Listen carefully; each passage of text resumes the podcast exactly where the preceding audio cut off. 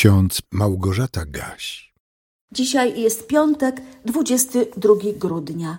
W pierwszej księdze Samuelowej, w 12 rozdziale, wierszu 15 czytamy: Jeżeli nie będziecie słuchać głosu Pana i będziecie sprzeciwiać się słowu Pana, ręka Pana będzie przeciwko wam i przeciwko królowi waszemu.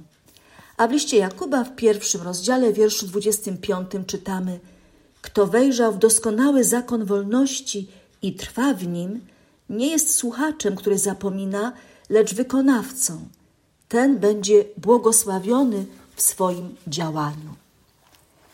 Stary sędzia Samuel usłyszał pod koniec sprawowania swego urzędu, danego mu przez Boga, że Izraelici chcą mieć króla. W ósmym rozdziale pierwszej księgi Samuelowej czytamy, że Samuelowi, który wiernie służył Panu od okresu wczesnej młodości, nie spodobało się to.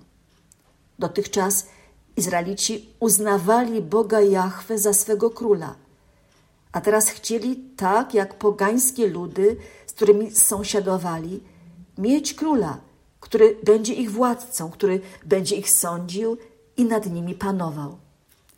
Samuel, mąż Boży, modlił się do Pana i szukał u niego rady, jak ma postąpić, czy spełnić żądanie starszych Izraela?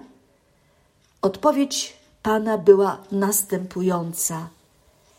A Pan rzekł do Samuela: Wysłuchaj głosu ludu we wszystkim, co mówią do ciebie, gdyż nie tobą wzgardzili, lecz, mną wzgardzili, bym nie był królem nad nimi.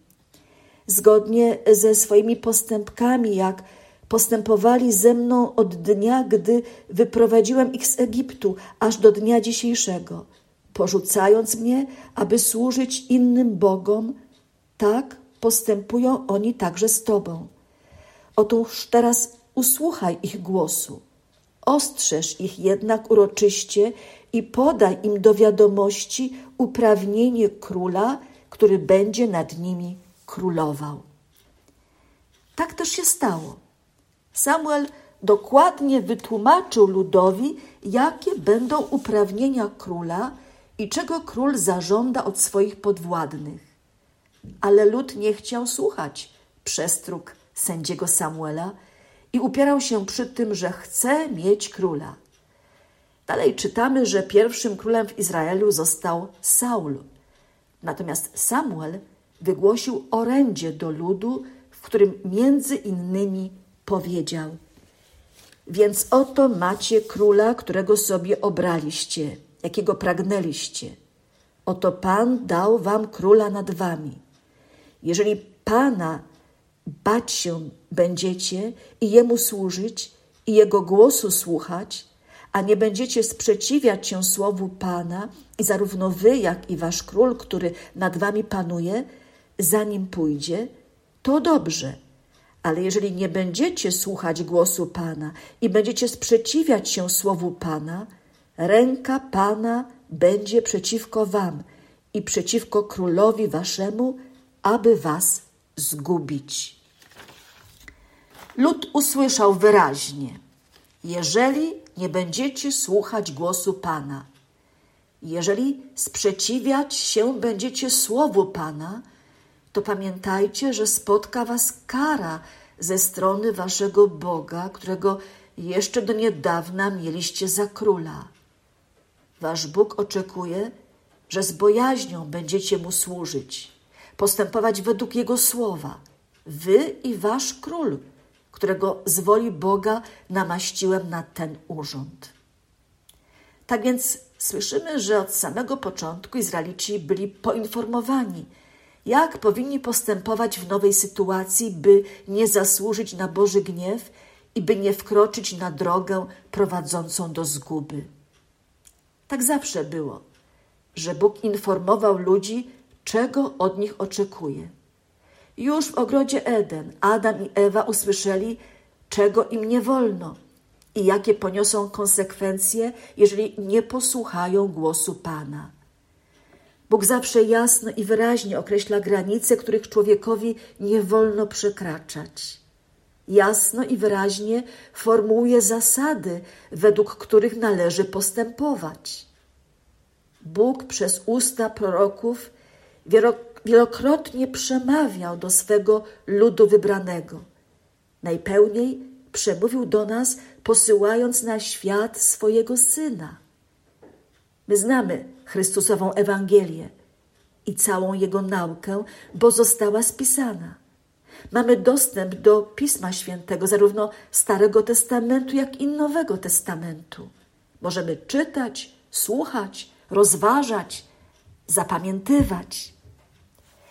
W liście Jakuba, z którego pochodzi nasz dzisiejszy werset, odnajdujemy słowa przestrogi i mocnego napomnienia. A bądźcie wykonawcami słowa, a nie tylko słuchaczami oszukującymi samych siebie. Bo jeśli ktoś jest słuchaczem słowa, a nie wykonawcą, to podobny jest do człowieka, który w zwierciadle przygląda się swemu naturalnemu obliczu, bo przypatrzył się so sobie i odszedł, i zaraz zapomniał, jakim jest.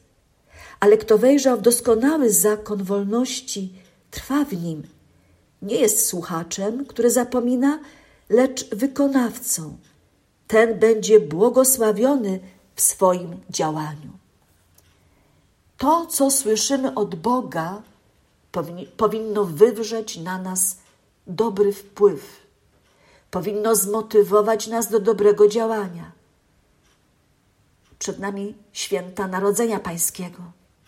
Znowu usłyszymy Ewangelię, dobrą nowinę o przyjściu Syna Bożego na świat usłyszymy po raz kolejny, dlaczego musiało się to stać.